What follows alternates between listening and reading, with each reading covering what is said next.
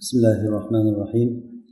إن الحمد لله تعالى نحمده ونستعينه ونستغفره ونعوذ بالله تعالى من شرور أنفسنا ومن سيئات أعمالنا. إنه من يهده الله فلا مضل له ومن يضلل فلا هادي له. ونشهد أن لا إله إلا الله وحده لا شريك له. ونشهد أن سيدنا وإمامنا وأستاذنا وقدوتنا محمدا عبد الله ورسوله صلى الله عليه وعلى آله وصحابته. ومن اهتدى بهديه إلى يوم الدين وسلم اللهم تسليما كثيرا أما بعد السلام عليكم ورحمة الله وبركاته alloh subhanava taolodan madad so'rab biz qasos surasini tafsir qilishlikda davom etamiz bu sura alloh subhanava taolo tarafidan odamlarga dunyoda va oxiratda najot topishligi uchun nihoyat darajada kerakli bo'lgan qoidalarni o'z ichiga olgan asosan bunda zolim va mazlumlar haqida so'z ketadi. Ko'proq alloh subhanava taolo bu surada zolimdan ko'ra mazlumni holatini ko'p zikr qilgan. Zolimni misolida fir'avnni e, misol qilib keltirilgan. U fir'avnni aynan shaxsi emas balki uni o'rnida turgan bir shaxs u qiyomat kunigacha bo'ladigan bir zolimni misoli va uni nihoyasi nima bilan tugagan ekanligini alloh taolo bayon qilgan. Va keyin asosan bu surada mazlumlarni holati haqida gapirgan va bu suradan biz agar e, taammul bilan e'tibor bilan o'qisak mazlumlar ikki xil bo'lishligini tushunamiz. Bir mazlum borki uni hidoyati umid qilinadigan ya'ni u mazlumga alloh taolo kelajakda bir imkon berib alloh taolo yordam beradigan ya'ni bu mo'min mazlum. bu o'zi surani boshidan biz aytgan edikki e, mo'min mazlum bo'lgan kishini yo'li nima bo'lishi kerak e, alloh taolo bu haqda aytadiki ونريد أن نمن على الذين استضعفوا في الأرض ونجعلهم أئمة ونجعلهم الوارثين yerda zaif sanalib mazlum bo'lgan odamlarga biz ularga yordam berishlikni ularda yer ularni yerda xalifalar qilishlikni va yerga merosxo'r bo'lishligini xohlaymiz degan. Va ularni sifatlari qanday bo'lishligi kerak? Mazlum bo'lgan mo'min kishi alloh taolo bir unga imkoniyat beradi unga. Imkoniyat berib qarang endi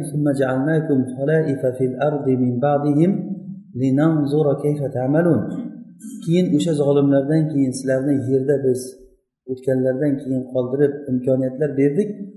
Qani qanday amal qilishliklaringni ko'rishligimiz uchun. Demak alloh taolo insonni mazlum holatda imtihon qilib turib keyin ozroq vaqtdan keyin uni imkon berib turib o'sha mazlumlikdan qutqarib turib imtihon qiladi. Buni misolida bani isroil yaqqol bir misol bo'ldi. Ular haqiqatdan mazlum odamlar edi. Uyidagi farzandini olib ketib fir'avn so'yib o'zlarini xohlaganday qilib qiyin qiyin ishlarga ishlatib oylik berish degan narsa yo'q. Insonni qadr qiymati degan narsa yo'q. Ularni juda qattiq mashaqqatli ishlarda ishlatgan va shu ishlatishligi bilan birgalikda yana fir'avn men sizlarga yaxshilik qilyapman deb minnat qilib ularni farzandlarini olib borib so'yganligi endi zulm toza nihoyasiga yetganligi alloh taolo ularni ko'zini oldida zolimni yo'q qilib keyin ularga nihoyat darajada katta bir ne'matlarni berdi. Nihoyatda katta ne'matlarni bulutlarni ustidan soya qildirdi. Ularga tayyor bo'lib turgan bedana go'shtlarini tushirdi e, muzday suvlarni toshlardan chiqarib qo'ydi. Va hokazo ularni shaharlarda e, sahrolarda tentirab yurmasligi uchun e, tayyor bo'lgan shaharga kirsanglar shu shahar sizlarniki deb alloh taolo marhamat qildi. Va qanchalik darajada ular ollohni buyrug'ini bajardi va qanchalik darajada bajarmadi. Aksari bajarmadi aksari bajarmadi. Shunchalik darajada bo'ldiki ollohni ahdi paymonini oylar degan paytda olmaymiz deb turib tavrotni amal qilinglar tavrotga desa shunga qabul qilmasdan turib tog'ni olib kelib turib ustilariga bosib yuboraman degan paytda shu betlari bilan sajda qilgan ekan tog'ni haqiqatdan ham bosib qolyaptimikan deb qarab turgan holatda. Sajdalari mana shu holatda bo'lgan. Yana bir mazlum bir kishi borki ikkinchi mazlum bu. Bu mazlum aslida alloh taolo uni mazlum qilib qo'ygan boshqa bir zolimni imtihon qilishlik uchun. Bu ikkinchi mazlumni holati. Ba'zi zolimlarni ba'zilariga ustun qilib qo'yamiz. Ularni o'zlarini kasb qilgan narsasi uchun degan. Demak odamlarni ichida shunday mazlumlar borki o'zi zolim uni. Lekin o'zi zolimligi uchun uni ustiga alloh taolo boshqa bir zolimni olib kelib qo'ygan o'sha zolimdan o'ch olishligi uchun. Zolimdan shikoyat qilgan odamlar. Buni isbotini qanday ko'rishligingiz mumkin? O'sha zolim agar ketib qolsa insonga zulm qilishlikka imkon bo'lib qolgan paytda zulmni boshlaydi. Qo'li yetganchalik zulm qiladi. Hech bo'lmasa xotiniga zulm qiladi. Chunki u zaif hech kimga dardini aytolmaydi bo'lib ham muhojir bo'lib chiqqan bo'lsa bor ket desam qayerqa ham ketadi ota onasinikiga borolmasa deydi. Uni yaxshi biladi. O'sha uchun bemalol zulm qilaveradi xotiniga. Yoki boshqa bir qo'shnisiga bo'ladimi do'stiga bo'ladimi birovdan qarz olgan bo'lsa o'sha qarz egasiga zulm qiladi. Qaynalar bemalol kelinlarga zulm qilaveradi xuddiki kelinni qoni joni haloldek lekin vaholanki o'sha qaynona bilan agar gaplashib ko'rilinsa zolimdan shikoyat qilib qochib qochib chiqqan bo'ladi qachon shu zolim halok bo'lar ekan deb gapini e, nimasida faqat shu zolimdan shikoyat bo'ladi lekin o'zi insonni o'zi shu holatda zolim bo'lib turgan bo'ladi. insonda shunday bir qalbida bir fasod maraz bo'lgan odamlar bo'ladiki bu marazni alloh taolo chiqarmay qo'ymaydi tashqariga bu uchun imtihon qiladi alif lam mim أحسب الناس أن يتركوا أن يقولوا آمنا وهم لا يفتنون ولقد فتنا الذين من قبلهم فليعلمن الله الذين صدقوا وليعلمن الكاذبين odamlar iymon keltirdik deganlaridan keyin omon omon bo'lib bemalol yashashlikni xohlaydilarmi? Yo'q unaqa bo'lmaydi. Biz ulardan oldingilarni imtihon qildik ularni fitnalantirdik. Sizlarni ham fitnalantiramiz imtihon qilamiz xuddi oldingilarni imtihon qilgandek toki alloh taolo qalbida marazi bor bo'lgan odamlarni haqiqiy sodiq kishilarni kozibdan ajratishlik uchun. Xuddi shu narsa bizga shaytonni misolida ko'rindi.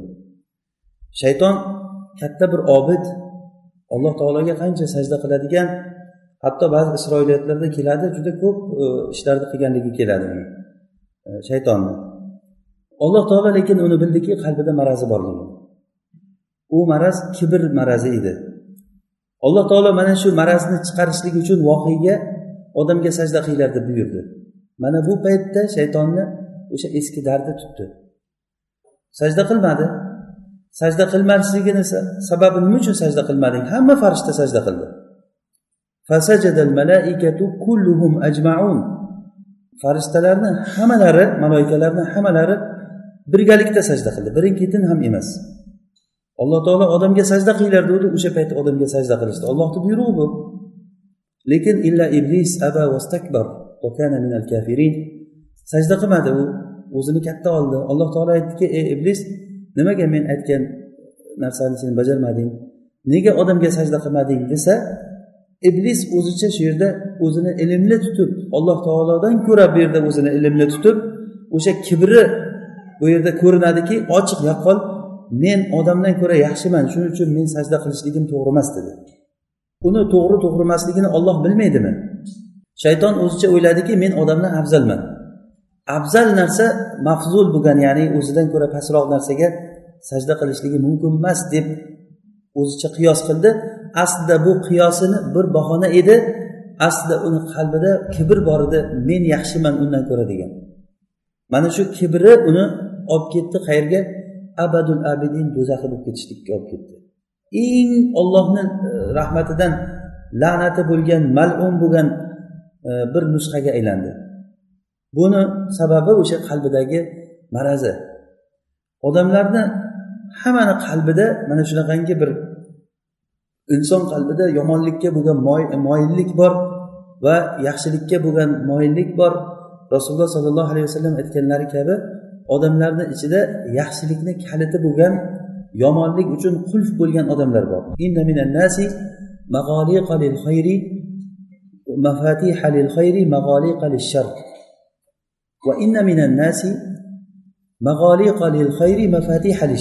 Odamlarni ichida yaxshilikni kaliti bo'lgan odamlar bor yomonlikni qulfi bo'lgan odamlar bor. Ya'ni butun yaxshilikni ochib beradi. Ich ichidan odamlarga yaxshilik bo'lishligini xohlaydi va yomonlikni yopib qo'yishlikni xohlaydi. Birovni aybini ko'rsa chuqalamaydi. Bir ayb bir narsani ko'rib qolsa o'shani bilmaslikka olib turib yashirib ketaveradi. Kamchiliklardan o'tib ketaveradi. Va odamlardan shunday bir toifasi borki buni aksi. Yaxshilik uchun qulf umuman yaxshilikni gapirmaydi. Yomonlik bo'lsa uni kaliti. Yomonlikni shunday ochib beraveradi hamma joyda. Odamlarda mana shunaqangi toifa odamlar bor. Yaxshilikka kalit bo'lib yomonlikka qulf bo'lgan odamga jannat bo'lsin dedilar rasululloh sallallohu alayhi vasallam. Alloh taolo hammamizni shunaqa toifadan qilsin. Inson qalbida shunaqangi bir e, ikki tomonga intiladigan bir xulqlar bo'ladi. Buni olloh biladi inson qalbida bunaqangi narsa bo'lishligini. Mana shuni aynan e, bu sura orqali biz shular haqida gapirgan edik. Kechagi darsimizda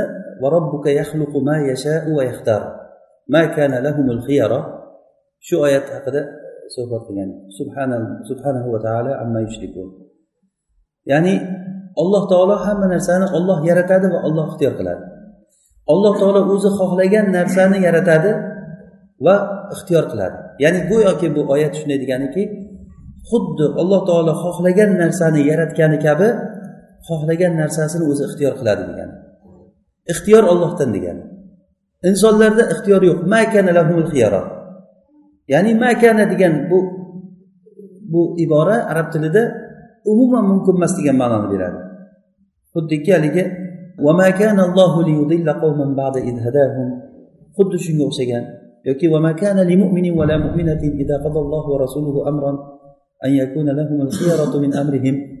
ahzob surasida insonlarda ixtiyor bo'lishligi mumkin emas.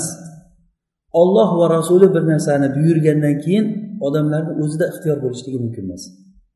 Biz mana shu joylarda e, ancha misollar keltirgan edik. Bunga julaybibni misolini keltirgan edik. Rasululloh sollallohu alayhi vasallam sovchi bo'lib borib uni uylantirib qo'yganliklari haqida. Ya'ni misoldan maqsad shu ediki kim agar alloh taoloni shar'iy ixtiyoriga rozi bo'lsa alloh taolo unga butkul yaxshiliklarni ochib qo'yadi degan. Hidoyat qonuni biz bugungi darsimizda shuni davomi o'laroq shuni ba'zi bir e, kamchiliklarini to'ldiramiz. Ya'ni odamlarda agar yaxshilikka bo'lgan intilish bo'lsa yaxshilikka bo'lgan intilish bo'ladigan bo'lsa o'sha intilishni qalbidan alloh taolo bilsa o'shani alloh taolo hidoyatlaydi.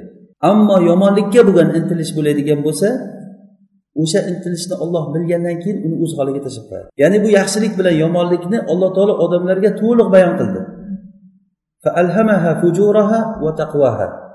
Ya'ni to'g'ri yo'lni bayon qildi va fujur yo'lni bayon qildi.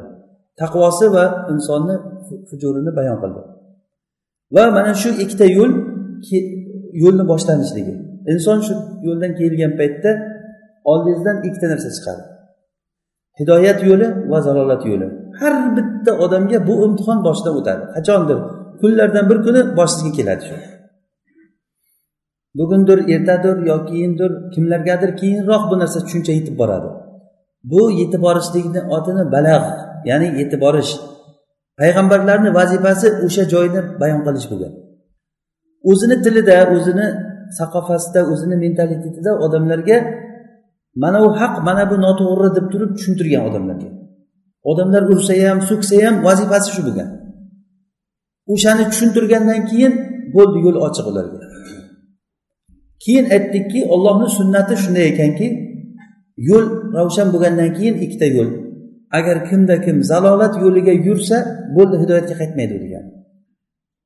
Agar kim hidoyat yo'lini ixtiyor qilsa alloh taolo uni o'sha tomonga qarab tortib olib ketadi. Buni misoli va amma samudu fahadaynahum samud qavmini biz hidoyatladik ya'ni hidoyatladik degani bu hidoyati bayon. Ya'ni hidoyatni ko'rsatdik. Fahadaynahum ularga hidoyat yo'lini ochiq ko'rsatdik ularga payg'ambar yubordik ularga mo'jiza ko'rsatdik vaqt berdik. Keyin ular nima qildi? Fastahabbul ama alal huda. Ular ko'rlik yo'lini hidoyat yo'lidan ustun ko'rdi. Ustun ko'ruvdik ya'ni shu narsa ularni keyin halok bo'lib ketdi. Bu insonlarni har biriga bo'layotgan narsa. Masalan makka quraysh kofirlariga qaraydigan bo'lsak ular rasululloh sollallohu alayhi vasallamni haq ekanliklarini aksari bilishmagan. Aksari bilmagan ular rasulullohga qarshi kurashgan haqiqatdan ham rasulullohni adashgan odam deb o'ylagan ular. Ba'zilari. Lekin bilgan odamlari ular kattalari bo'lgan. Valid ibn mug'ayraga o'xshagan abu jahlga o'xshagan abu lahab abu tolib abu tolib ham bilgan. Rasulullohni hidoyat haqiqiy to'g'ri ekanliklarini abu tolib bilgan. Lekin bilib turib o'sha bilgan paytda unga ikkita yo'l shunday ochilgan oldiga. Yo'l ochilgan paytda u zalolat yo'lini tanlagan. Nima uchun? Qavmida obro'si tushib ketmasligi uchun. Va o'zini tili bilan aytgan ham bu seni dining haq ekanligini men bilaman lekin men o'zimni dinimni tashlasam odamlar gapiradi abu tolib aynib o'lib ketdi degan gapni men xohlamayman shu orqamdan gapirilishligini deb zalolat yo'lini tanladi. Rasululloh sollallohu alayhi vasallam bir marta bo'lsa ham la illaha illalloh deng deb qancha yolvorishlariga qaramasdan yo'q o'zini yo'lida ketdi. Rasululloh o'shanda xafa bo'lib yig'laganlarida alloh taolo oyat nozil qildiki innaka la tahdi man ahbabta yahdi man yasha va huwa a'lamu bil muhtadin. Xohlagan kishingizni siz hidoyat qilolmaysiz dedi rasulullohga. Rasululloh qanchalik xohladilar abu tolibni mo'min bo'lishligini? Buni siz hidoyat qilolmaysiz alloh taolo o'zi hidoyatda yuruvchilarni o'zi yaxshi biladi. Alloh taolo o'zi hidoyatga yuradiganlar alamu bil muhtadin. Ya'ni muhtadin degani hidoyat yo'lini tanlagan odamlarni olloh biladi. Olloh uni qalbidan hidoyatga bo'lgan intilishni bilsa albatta hidoyatlaydi. Mana bu hidoyat qonuni bu. Shuning uchun ham insondan talab qilinayotgan narsa haq bilan botil uni oldida bir kun emas bir kun ochiladi. Ana shu ochilgan kunida u odam zalolat yo'lini ixtiyor qilsa million yil yashasa ham u hidoyatga kelmaydi. Buni dalili alloh taolo nuh alayhissalomga aytdiki قال يا نوح إنه لن يؤمن من قومك إلا من قد آمن فلا تبتئس بما كانوا يفعلون ey nuh seni qavmingdan hozirgacha iymon keltirganlardan boshqasi iymon keltirmaydi endi dedi ya'ni buni iymon keltirmaydi deb kim aytyapti olloh aytyapti bu qancha yashasa ham iymon keltirmaydi lan yu'mina lan degani arab tilida hech hech degani necha yil desangiz deyavering endi yashashin ular Ya'ni olloh hech iymon keltirmaydi dedimi ular zalolatda ziyoda bo'ladi lekin iymon keltirmaydi. Nega? Alloh taolo ularni qalbida bildi o'sha narsani. Olloh qalblarni biluvchi zot. Sudur. Bir qancha joylarda kelgan alloh taolo qalbdagi narsani biluvchi zot deb. Zotan o'zi bugun bizni o'qimoqchi bo'lgan oyatimiz shu ma'noda. Alloh taoloni ilmini tushuntirishlik. Shu shu yerga kelib qoldik.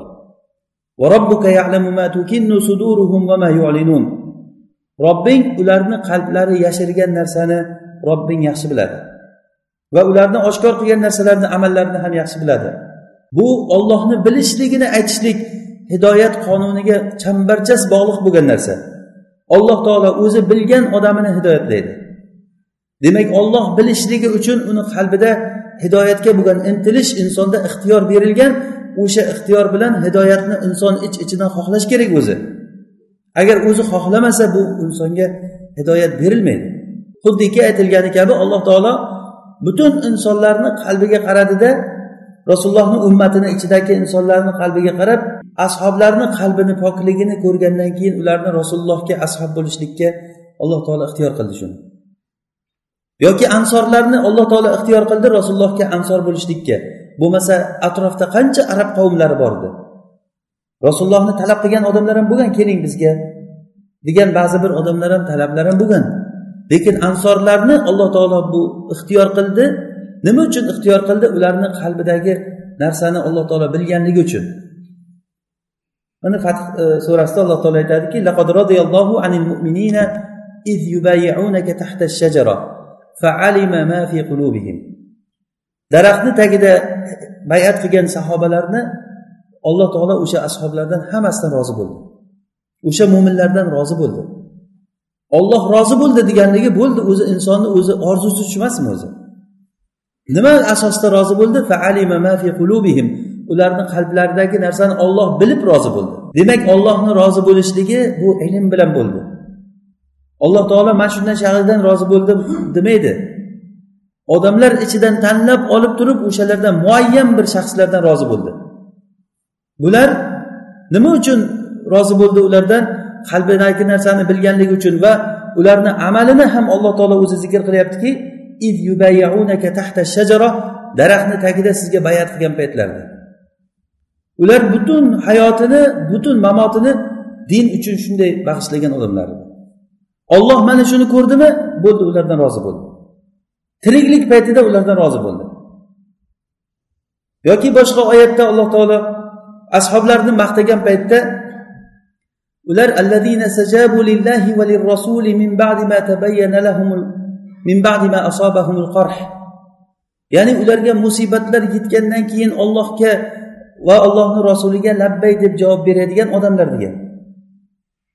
Ya'ni ularni qiyinchilik kunlarida qiyinchilik nihoyat darajada haqiqatdan qiyinchilik bo'lgan kunlar issiq bo'lgan. Masalan handaq g'azotida butun arablar bitta kamondan o'q otishgan paytlarida rasululloh sollallohu alayhi vasallam nima qilamiz degan madinani shunday o'rab kelgan. Nihoyat darajada katta jamoat kelgan sahobalarni unga kuchi yetadigan darajada umuman kuchi bo'lmagan. Rasululloh maslahat qilganlarida shunda salmon farisiy madinani atrofiga handak qozamiz. Biz ilgari forslarda agar urushda kuchi yetmaydigan bo'lib qolsak iloji bo'lmay qolsa shu ishni qo'llardik degan. Rasululloh shuni tanladilar ashoblar bilan chiqib handak qozdilar bu xandaqni qozishlik tinmay mehnat qilsa bir oy vaqt olar edi. O'sha bir oylik vaqtni lekin ular olti kunda kola bo'lishi kerak edi. Agar olti kunda kola bo'lmasa foydasi yo'q qilgan ishni o'ziz o'ylang endi mana shunday olti kunda bir oylik ishni qilgan. Rasululloh sollallohu alayhi vasallam sahobalarga bo'lib berganlar. Masalan jamoat jamoat bo'lishib bo'lib olib turib kovlaganlar. Haqiqatda katta bir qanday ot sakrab o'tolmaydigan darajada qanday qozilgan? Madinani atrofi toshlik joy. Bir qabr kovlashni o'zi bir qiyin narsa bo'lgan. Mana uhud jangida shahid bo'lganlarni ya'ni ikkita uchtalab to'rtta beshta oltitalab kishilarni bitta qabrga qo'yishgan. Qabr qozishlik katta muammo bo'lgan. Toshlik yer bo'lgan. Lekin o'shanday muammoni qabr qozishlik muammo bo'lgan joyda katta bir masofani ular handaq qilib qozganlar mana shu joyda rasulullohga hech kim shikoyat qilmagan bu nima kerak edi buncha mashaqqat bizga? Bir kelishsak bo'lmaydimi o'shalar bilan degan gapni biror kishi churqitib gapirmagan. Hattoki rasululloh sollallohu alayhi vasallam o'shanda yahudlar bilan sulh tuzmoqchi bo'lib turib yahudlar ham u nimasini ahdini buzib u yoqdan katta kuch kelayotganligini bilgandan keyin madinaga hujum qilmoqchi bo'lib tayyorlanib qolgan. Rasululloh yahudlarga madinadan chiqadigan hosilni yarmini berib hujum qilmay turamiz deb kelishmoqchi bo'lgan paytlarida shunda ansorlarni kattalari aytishganki ey rasululloh bu qilgan ishingiz vahiymi yo o'zizni fikringizmi? dedilar. Bu o'zimni fikrim. Qarayapmanki atrofdan arablar hammasi bitta kamondan o'q otyapti men shu bilan ularni qaytarmoqchi bo'ldim deganda ey rasululloh ular bizdan biz kofir mushrik bo'lgan paytimizda bizni xurmolarimizni kelib mehmon bo'lib kelib yersa yeridi yo sotib olib yeridi degan. Lekin biz tegindan teginga ularga bunaqangi holatda biz hech qachon xurmo bermaganmiz degan. Endi bizni alloh taolo siz bilan aziz qilib mo'min bo'lganimizdan keyin ular bizdan xurmoni bu yo'l bilan olmaydi degan. Rasululloh sollallohu alayhi vasallam men buni sizlar uchun aytgan edim o'zimni bir fikrim edi bu. Dedilar sahobalar bunga ko'nmadi.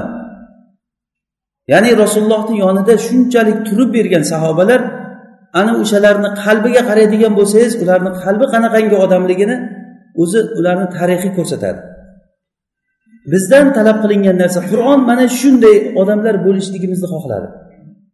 Eng asosiy narsa inson qalbida yaxshilikka bo'lgan intilishni borligi. Agar shu intilish bo'lsa insonni alloh taolo o'zi tortib olib ketadi. Yaxshilikka qarab hidoyatlaydi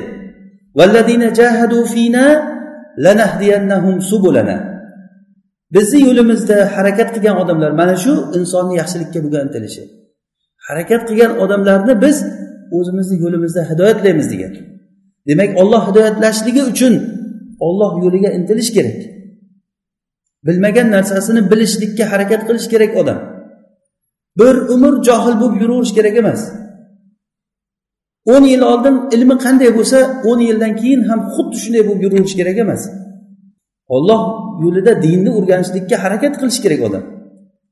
Harakat qilsa kuchingizni borini sarflasangiz o'shandan keyin olloh taqdir qilgan narsani sizga beradi taqdir qilmagan narsa sizga bo'lmaydi.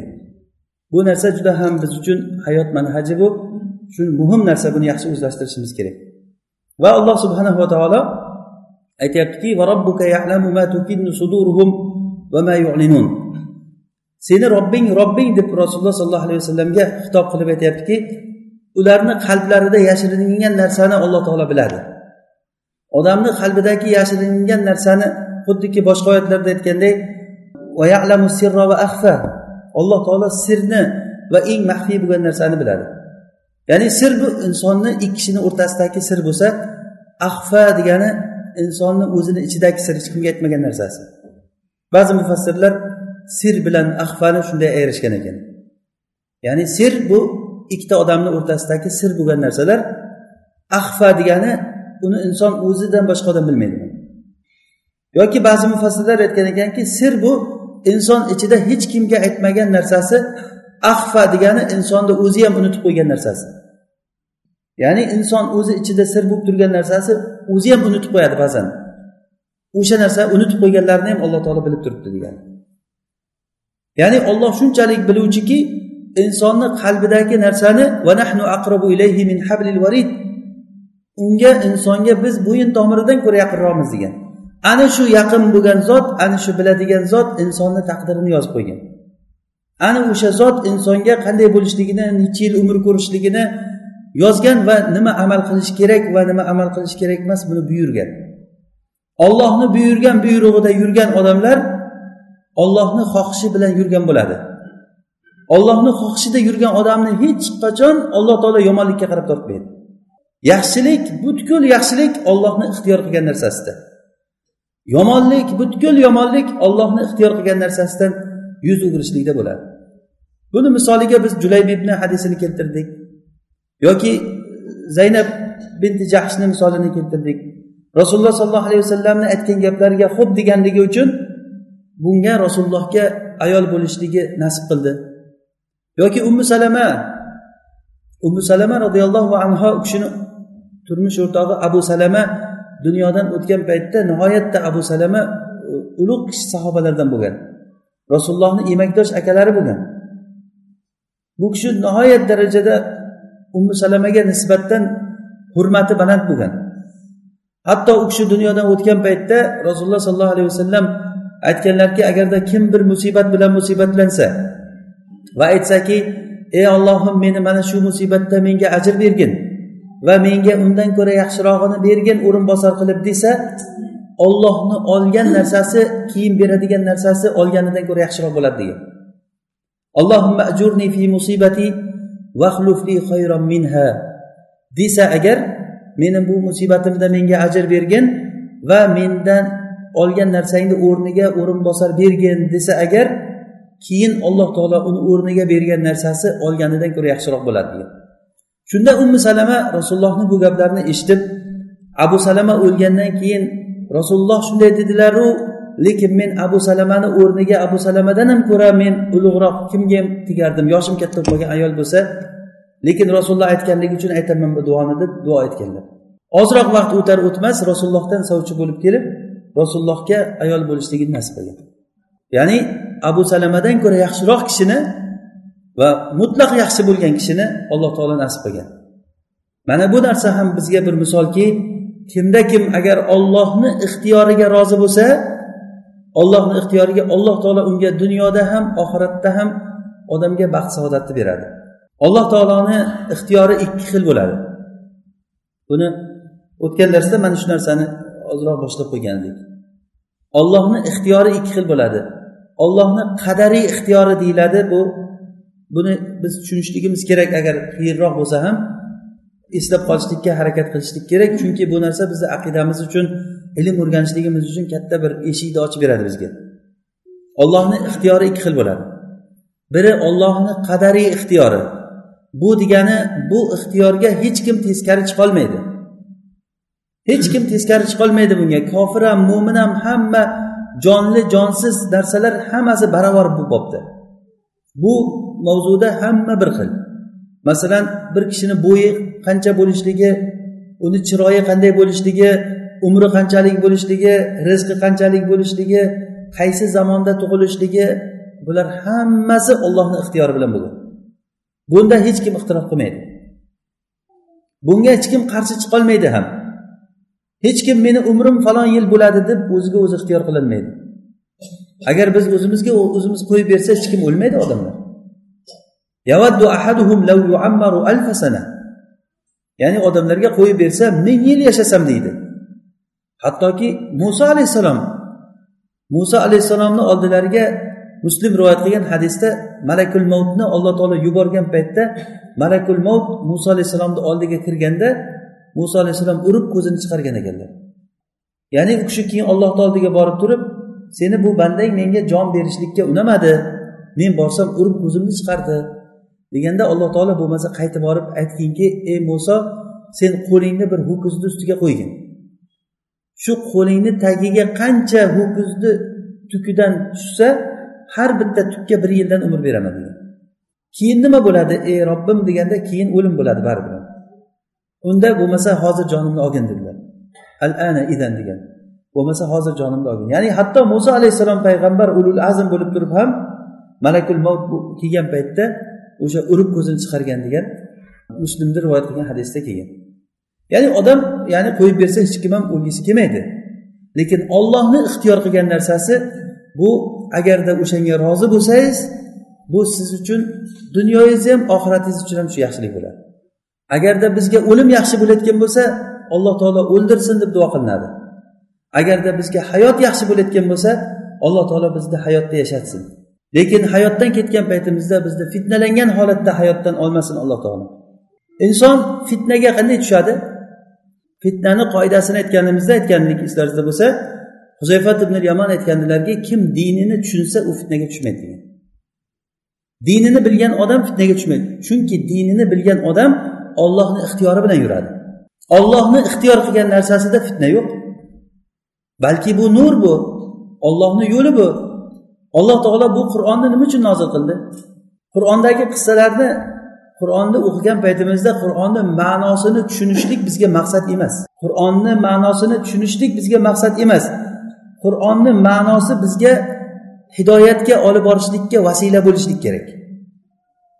Masalan qancha qancha qur'on tarjima qilgan odamlar bor ma'nosini yaxshi tushungan shuni. Lekin bu ma'no u odamga hidoyat kasb qilmagan. Balki tarjima qilishdan oldingi hayoti tarjima qilgandan keyingi hayotidan ko'ra yaxshiroq bo'lgan. Qur'on tarjima qilgan paytda o'zi bo'lmaydi uni bir qancha manbalardan foydalanib buni tarjima qilgan kishilar biladi buni. O'zi bo'lmaydi buni. Lekin o'sha tarjima qilib bitgandan keyin bu odam bir martabaga erishdim deb o'ylagan lekin aslida agar shariat ko'zoynagi bilan qaralinsa shu tarjima qilishlikdan oldingi holati ming marotaba yaxshi bo'lgan keyingi holatdan ko'ra. Demak qur'on ma'nolarini tushunishlik o'zi bu tushunishlik katta narsa bu. Lekin tushunishlikni o'zi g'oya emas biz shu narsani yaxshi tushunishimiz kerak. Bu bir vasila hidoyatga vasila bu. Bu orqali biz hidoyatga yetib borishligimiz kerak. Shuning uchun ham alloh subhanava taolo mana qur'onda qissalar keltirdi. Bu qissalarni bizga tushunishligimiz uchun va shu qissa bizga hayotimizda bir qoida hayotimizda nimanidir bir o'rgatishlik uchun keldi bu. Bo'lmasa bu qur'on nur bo'lolmaydi. Shuning uchun ham alloh subhanava taolo bu qur'onni nur deb ismladi. Ba'zi joylarda buni ruh deb ismladi. Ya'ni buni nurligi hidoyatlilik uchun. Agar qur'on hidoyati bilan hidoyatlanmasa bu odam o'sha nurdan foydalanolmagan zulmatdagi odam bo'ladi. Agarda hidoyat qur'on hidoyati bilan hidoyatlanmasa bu odam xuddiki ruhi yo'q bo'lgan jasaddek bo'ladi. Ruhi yo'q bo'lgan jasad nima qila olishligi mumkin? Quruq o'zidan yomon hid chiqarishdan boshqa narsa bo'lmaydi. Xuddiki qur'on bilan yurmagan odamlarni misoli mana shunday bo'ladi. Alloh taolo buni har xil misollarda keltirdi. Hal yastavil ama val basir am hal tastavi zulumat va nur hal yastavil ahya ahya'u val amvat la yastavi al ahya'u amvat ya'ni o'liklar bilan tiriklar teng bo'lmaydi. O'liklar deb turib kofirlarni aytyapti. Tiriklar deb turib qur'on nuri bilan yurgan odamlar. Ko'zi ko'rlar deb atadi ularni. Hidoyatda yurmagan odamlarni. Va zulmatda yurganlar deyildi. Shunchalik zulmatki agar qo'lini chiqarsa ko'rmaydigan darajada zulmat bu qur'on nuri bilan yurmagan odamlarni misoli. Demak qur'on bizga ma'nolarni tushunishlik kifoya qilmaydi. Bundan maqsad vasila ya'ni hidoyatga shu orqali yetib borishlik. Mana shu ko'zoynak bilan agar biz qur'onga qarasak ana o'shandagina biz qur'ondan foyda ola olamiz bugungi o'qiydigan oyatimizda alloh taolo aytadiki va robbuka ya'lamu ma tukinnu suduruhum va ma yu'linun. Alloh taolo ularni qalblarida yashiringan narsani biladi va oshkor narsani biladi. Ya'ni bu oyatda alloh taoloni bilishligi alimligi haqida gapirilyapti. Qur'onda alloh taolo ko'p o'rinlarda o'zini alim ekanligini nihoyat darajada ya'ni qur'onda o'zi asli qur'on ollohni tanitadigan kitob deganidek qur'onni tanitadigan alloh taoloni tanitadigan kitob qur'on. Alloh taolo aytadiki men inson va jinni menga ibodat qilish uchun yaratdim. Ibn abbos aytdilarki illa liyabudun ay illa liyarifun meni tanish uchun yaratdim degan. Ya'ni kimki ollohni tanisa u ollohni yaxshi ko'rib qoladi. Kim ollohni tanisa u ollohdan qo'rqadi. Mana shu yaxshi ko'rishlik bilan qo'rqishlik ibodatni ikkita rukni bo'ladi. Kim ollohdan qo'rqadi? Olim kishilar ya'ni ollohni tanigan odam qo'rqadi.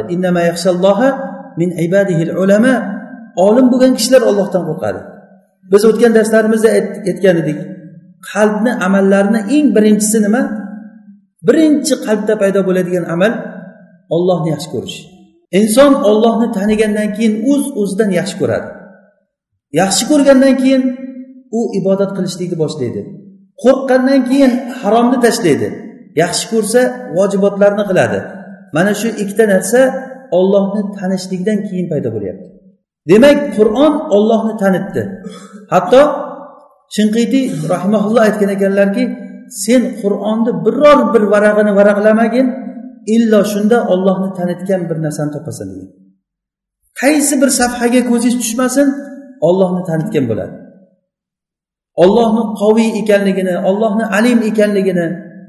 Qur'on boshidan oxirigacha mana shunaqangi kitob. Olloh shu uchun nozil qildi. O'zini kim ekanligini bandalarga tanitdi qur'on. Va mana shu tanitishlikni orasida ollohni alim ekanligichalik boshqa narsani tanitmagan ekan. Eng ko'p gapirilingan narsa alloh taoloni sifatlari haqida gapirilingan paytda alim sifati haqida ko'p gapirgan. Hattoki alloh taolo alimul g'oyb degan iborani o'n uch marta ishlatgan. Ya'ni qur'onda alimul g'oyb yoki allamul g'uyub to'rt o'rinda kelgan. Allamul g'uyub. Alim bir yuz ellik yettita o'rinda kelgan ekan. Bu ya'ni ollohni ilmiga ochiqdan ochiq dalolat qilayotgan. Bundan tashqari fe'l iboralari bilan fe'liy iboralar bilan yalamu alimalloh mana bu biladi olloh bildi yoki alloh taoloni hukmlari kelajakda bo'layotgan xabarlar haqida xabar berganligi g'oyibdagi xabarlari bularni hammasi alloh taoloni ilmiga dalolat qiladi. Alloh taoloni ilmiga. Alloh taolo o'zini ilm va qudrat sohibi ekanligini doim bir yerda bir biriga yaqin keltiradi. Va huval alimul qodir alloh taolo biladigan qudratli zot.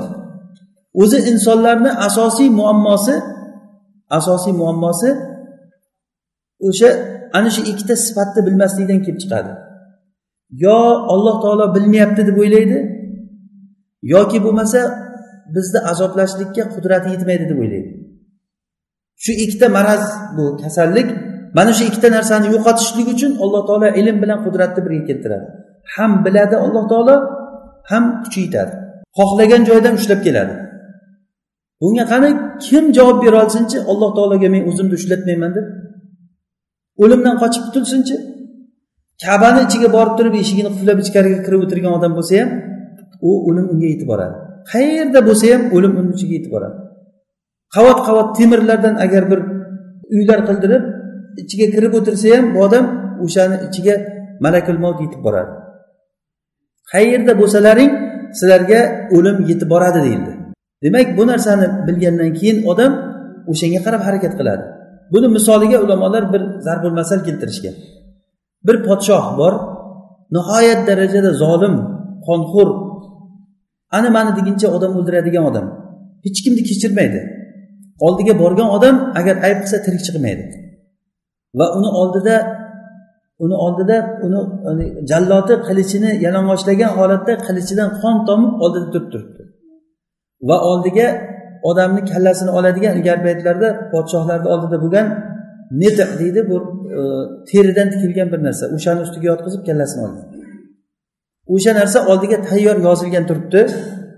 Yonida jalloti qo'liga qilich ushlab turibdi va uni oldiga kirgan paytda bir odam va uni atroflarida podshoni atroflarida kanizaklari xotinlari qizlari aylanib yuribdi.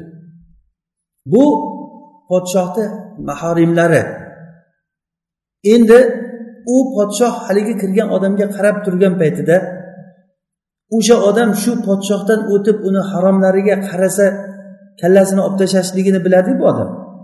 Bir necha odamlarni kallasi olinganligini. Shu odam hech aqlli odam o'ylaydimi shu podshohni qizlariga yo ayoliga bir qaraydi deb? Xayoliga ham kelmaydi bu narsa. Hattoki uni qo'llari bir harakat qilishligi a'zolari harakat qilishligi tili kalimaga kelishligidan tashqari qalbi ham qo'rqib o'tiradi. Yomon ishni qilmasa ham qo'rqib o'tiradi. Meni jazolab qo'ymasin deb. Yomon ishni qilmasa ham qo'rqib o'tiradi bu odam. Nima uchun? U podshohni taniganligi uchun. Lekin olloh subhanahu va taoloni quvvati u podshohligidan ko'ra qancha quvvatli. Alloh taoloni jazo beradigan farishtalari qanchalik darajada quvvatli. Ya'ni ollohni azob berishchalik hech kim azob berolmaydi. Ya'ni ollohni arqon bilan bog'lab qo'yishchalik hech kim bog'lab qo'yolmaydi. Odam azob bergan paytda odam o'lib qutuladi lekin ollohni bergan azobidan hech kim hech yoqqa qochib qutulolmaydi ya'ni mana shu narsani bilgan odam haligi podshohni oldida bir haromga qaramasdan turib ham qo'rqib o'tiradi odam. Lekin ollohni harom bo'lgan ishlarini qilib turib qo'rqmay xursand bo'lib turgan odamni nima deyish kerak uni? Buni sababi nimada muammosi? Buni muammosi olloh bilmayapti deb o'ylaganligida. Demak insonni mana shu johilligi ko'p yomonliklarga boshlaganligi uchun ham alloh taolo qur'onda nihoyatda darajada ko'p o'rinlarda o'zini alim ekanligini tanitgan. Odamlarni nima qilayotganligini olloh biladi. Ala innahum yusnuna sudurahum liyastakhfu minhu. Ular rasululloh sollallohu alayhi vasallamni oldidan o'tganlarida munofiqlar ya'ni e, tabariy buni tafsirda munofiqlar rasululloh sollallohu alayhi vasallamni oldidan o'tsalar ular rasulullohdan yashirinib o'tardilar maxfiy bo'lishlik uchun. Ya'ni ko'kraklarini rasulullohdan biror ko'rib qolmasin ko'rib qolsa bir narsa deb qoladi deb rasulullohdan iloji boricha ko'zlariga ko'rinmaslikka harakat qilishgan.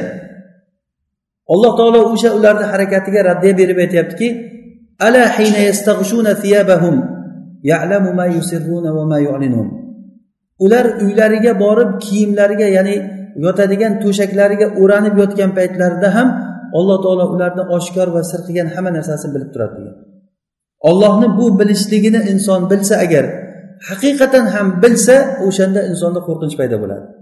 Hasanul basriy rahimaulloh juda ko'p yig'lar ekanlar ollohdan qo'rqqanligidan. Hatto u kishiga odamlar rahmi kelib siz ey imom shunchalik taqvolik bo'lib turib shuncha ko'p amallar qilib turib nega bunchalik ko'p yig'laysiz? Deganda men bir narsadan qo'rqaman. Erta ollohga borib yo'liqqan paytimda olloh taolo meni qalbimda olloh yomon ko'radigan bir narsani bilgan bo'lsa men uni sezmagan bo'lsam keyin meni huzurimdan yo'qolgin deb haydab haydab yuborsa men nima qilaman deb yig'lar ekan. Ya'ni ollohni azobi qattiq ekanligini bilishlik bu nihoyat darajada muhim mo'min kishi uchun. Odamlar bu narsada tavakkal qiladi. Ollohga o'zi bir gap bo'lar deydi amal qilmasdan turib tavakkal qilishadi. Bu tavakkal o'zini hayotini odam xatar ustiga qo'yishlik. Bu odamlarni alloh taolo o'zlarini ziyon ko'rgan odamlar degan.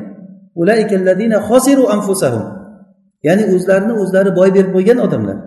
Ollohni azobi qattiq. Alloh taolo xuddiki do'zaxni agar qanday jannatni sifatlab bergan bo'lsa xuddi shunday do'zaxni ham sifatlab bergan.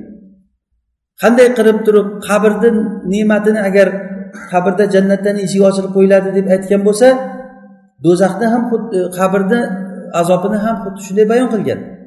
Hamma narsani alloh taolo insonlarga keragichalik aytgan o'zini rahmatini qanchalik aytgan bo'lsa ollohni azobi qattiq ekanligini va anna azabi huval azabul alim. Ollohni rahmati keng lekin shu bilan birga ollohni azobi ham qattiq azob. Olloh shunday azoblaydiki ollohni azobichalik hech kim azoblay olmaydi. Agar ollohni agar olloh asrasin agar ollohni azobiga inson loyiq bo'lib qoladigan bo'lsa bu insonni holiga voy bo'ladi. Mana o'sha holatga tushib qolmaslik uchun alloh taolo oldindan odam odamlarni ogohlantirdi. Alloh taolo qur'onda aytadiki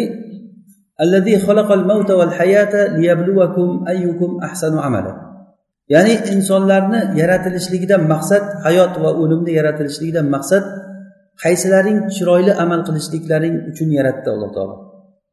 Ya'ni bu hayot bilan hayot o'lim bilan hayot shu uchun yaratilgan alloh taolo boshqa oyatda aytadiki osmonlar va yerni alloh taolo yaratdi.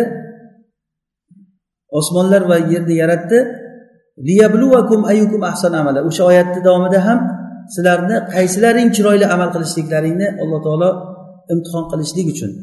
Hech qayerda aytmaganki aksaru amala deb ko'p amal qilishliklaring uchun demagan. Ahsanu amala chiroyli amal qilishliklaring uchun deb kelgan. Bu chiroyli amal hasanul basri aytganlaridek ahsanu amal bu nima? Bu amalni eng xolisi va eng sunnatga shariatga mos kelgan amal. Mana shu amal kim agar ko'p chiroyli amal qilsa shu.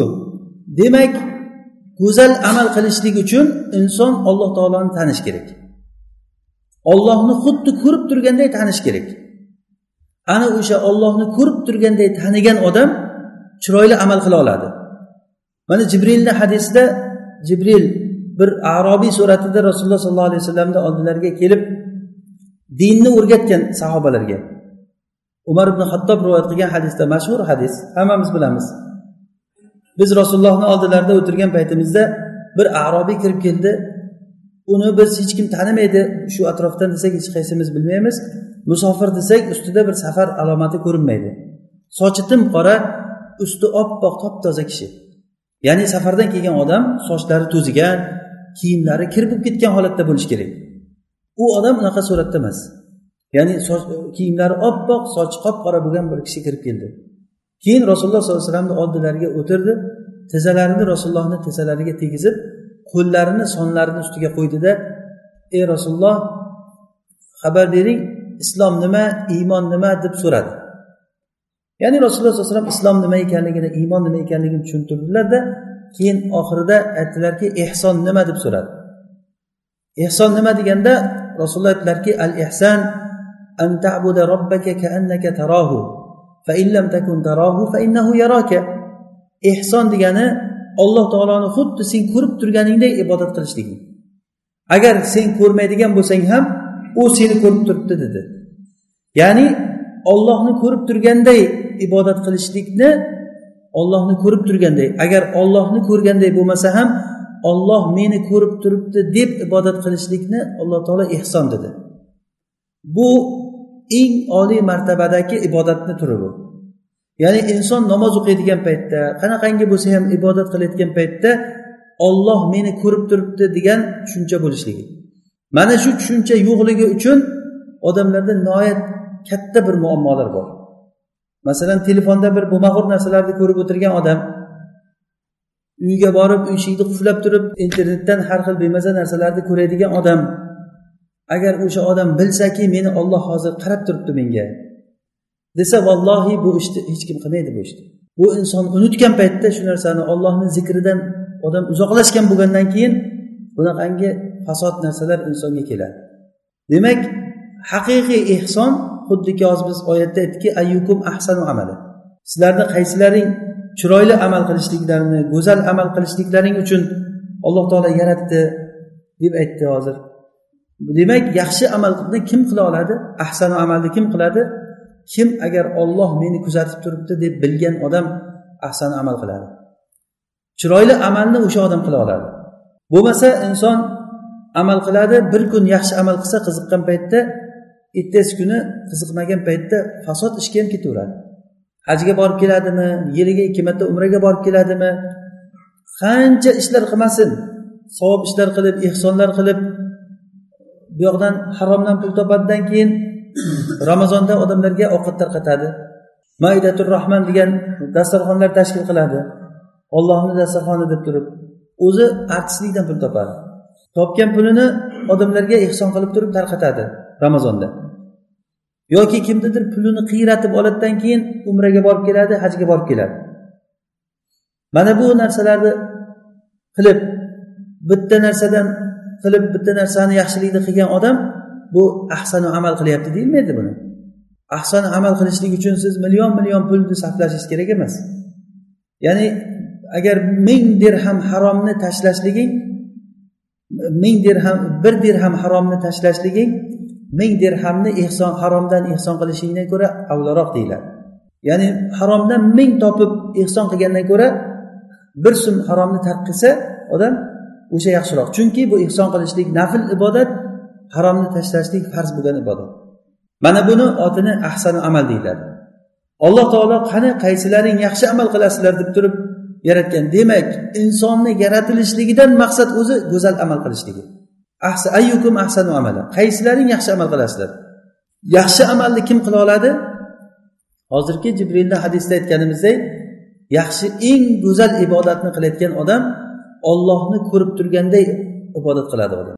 Agar ollohni ko'rganday bo'lmasangiz ham olloh meni ko'rib turibdi degan e'tiqod bilan amal qiladi odam. Mana buni e'tiqodni insonga paydo bo'lishligi uchun odam ko'p tadabbur qilish kerak olloh haqida o'ylash kerak. Ozroqgina to'xtang. Bekor bo'lgan vaqtingizda telefonni bir chekkaga qo'yib turib olloh haqida o'ylang. Hozirgi mana shu telefonlar mana bu whatsappdan kelayotgan xabarlaru bir birimizga e, bu xabarlashishliklar boshqalar to'g'ri yaxshiliklari ko'p. Lekin bu ollohni zikridan to'sadigan katta bir to'sadigan to'siqqa aylandi. Odam o'tirib bir ikki kishi o'tirib turib bir biri bilan iymonlasha olmaydi. Yonma yon o'tirganda ham bir biriga gaplashib o'tirmasdan boshqa joylardagi odamlarga xat jo'natib boshqa bo'lib nimalarni ko'rib hammani dardi mana shu narsaga bo'lib qoldi. Bu narsa bizni hayotda ko'p mashg'ul qilib qo'yyapti. Ayollar ayniqsa uyda o'tiradi ko'p vaqti bekor bo'ladi lekin o'sha bekor bo'lgan vaqtida ollohni taniydigan bir narsa o'rgansa edi qani edi farzandlarga o'sha narsani o'rgatsa qani edi nima uchun bizda shunaqangi sahobalardagidek bo'lgan ishlar bo'lmayapti? Sahobalardagidekchalik bir amallar ulardagidagi bir biriga bo'lgan muhabbat bir biriga bo'lgan do'stlik yer kurrasi ko'rmagan buni hattoki ular shunday bir yulduzlar ediki said qutub rahimaulloh sahobalarni sifatlagan paytda aytganlar sahobalar shunday bir yulduzlar ediki yer kurrasi unaqa yulduzni qaytib tama umid qilolmaydi degan. Ya'ni odamlarga chiqqan shunday bir porlagan yulduz edi ular. Har birini o'ziga yarasha bo'lgan amali bor edi. Boyi bo'lsin kambag'ali bo'lsin erkak bo'lsin ayol bo'lsin hammasini o'ziga yarasha bir bir xislati bor edi ularni buni hammasi shu nimadan? Ular alloh taoloni ko'rib turganday amal qilganligidan. Hatto bir oyat tushsa sahobalar bu oyat menga aytilinyapti deb yig'lab turib uydan chiqmasdan yig'lab qolganlari bo'ldi. Ya'ni rasulullohni oldida ovozlaringni ko'tarmanglar. Sizlarni amallaring habata bo'lib ketmasin degan oyat nozil bo'lganda ovozi baland bo'lgan sahoba bu oyat menga nozil bo'ldi. Ovozim baland men rasulullohni oldida qattiq gapiraman deb uydan chiqmay yig'lab qolib ketgan. Ya'ni bizga nima bo'ldiki? Qaysi do'zax oyati bo'lsa falonchilarda aytyapti deymiz. Qaysi jannat oyati bo'lsa bizga aytilganday bo'ladi. Hamma rahmat biz uchun hamma azob hamma la'nat boshqalar uchun. Bu narsada ozroq odam to'xtab alloh taoloni sifati haqida o'ylashligimiz kerak. Olloh kim o'zi? Alloh taolo qanday zot? Olloh nimani yaxshi ko'radi? Olloh nimani yomon ko'radi? Agar shu narsalarni yaxshi biladigan bo'lsak yaxshi biladigan bo'lsak ana undan keyin bizdan haligi maqsad qilingan narsa ro'yobga chiqadi u nima? Ollohni ko'rganday amal qilishlik. Ibodat qilgan paytda xuddiki xayolingizda bir narsa bo'ladi alloh taolo meni hozir ko'rib turibdi. Ana o'sha paytda siz qilgan amalingizni birovga riyo qilmaysiz keyin. O'sha narsa bo'lmagandan keyin o'sha tushuncha bo'lmagandan keyin odam bir yaxshilik ishni qilib qo'ysa odam boshqalarga aytish aytgisi kelaveradi. Shu iloji boricha shu mavzudan gap chiqarib o'zi bugun bir ehson qilib yuborgan bo'lsa men bugun faloncha so'm ehson qildim deyish noqulay bo'lgandan keyin boshqa yoqdan gapni olib keladi. Falon narsa nechi pul ekan deb boshlaydi. Ha shuncha ekan desa ha bugun bir anaqa berib yubormoqchi edim shunchadan sotib oldimda men shuni aytmoqchi edim deyiladi. O'sha qilgan ehsonini bildirib qo'yiladi. Albatta bir namoz o'qigan bo'lsa ham ro'za tutgan bo'lsa ham nima yaxshilik qilgan bo'lsa o'sha yaxshiligi bir aytgisi keladi odam. Kim o'shani aytgisi keladi? Alloh taolo meni ko'rib turibdi deb aniq ishonmagan odam bu. Lekin olloh ko'rib turibdi desa o'zi xursand bo'ladi odam.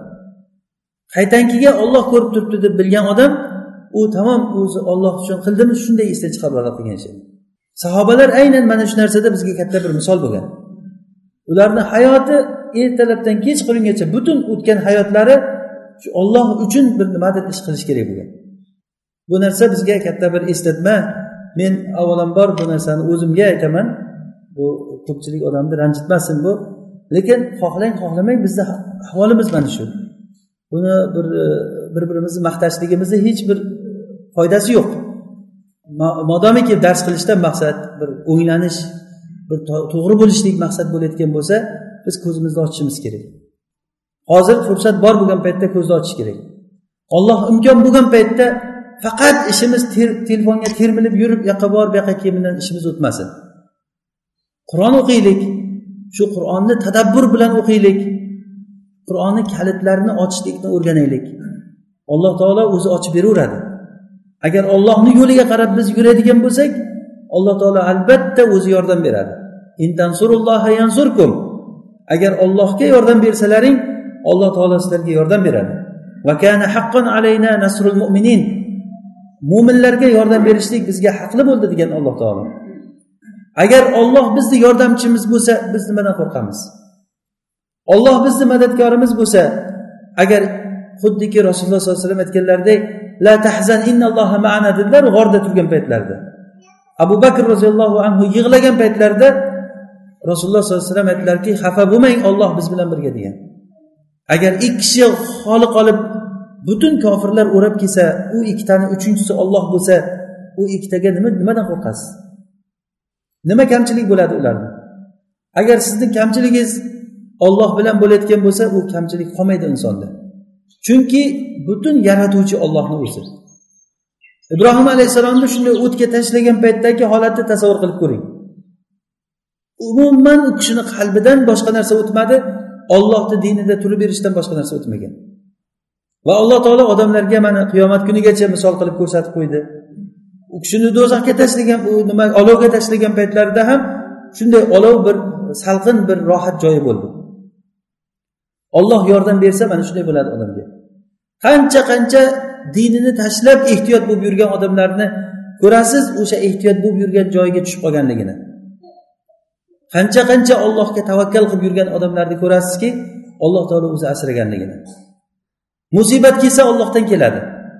Yaxshilik ollohni fazli bilan bo'ladi. Musibat dinni tashlashligimiz bilan bo'ladi. Mana shu qoida bilan gap tutib ketamiz. Ya'ni nimaki yaxshilik kelsa bizga ollohni fazli bu. Nimaki yomonlik kelsa bilingki dinimizdan tarqigan narsa barobarchalik bo'ladi. Bu uchun biz o'zimizni o'zimiz isloh qilaylik dinimizni isloh qilaylik o'rganaylik dinimizni.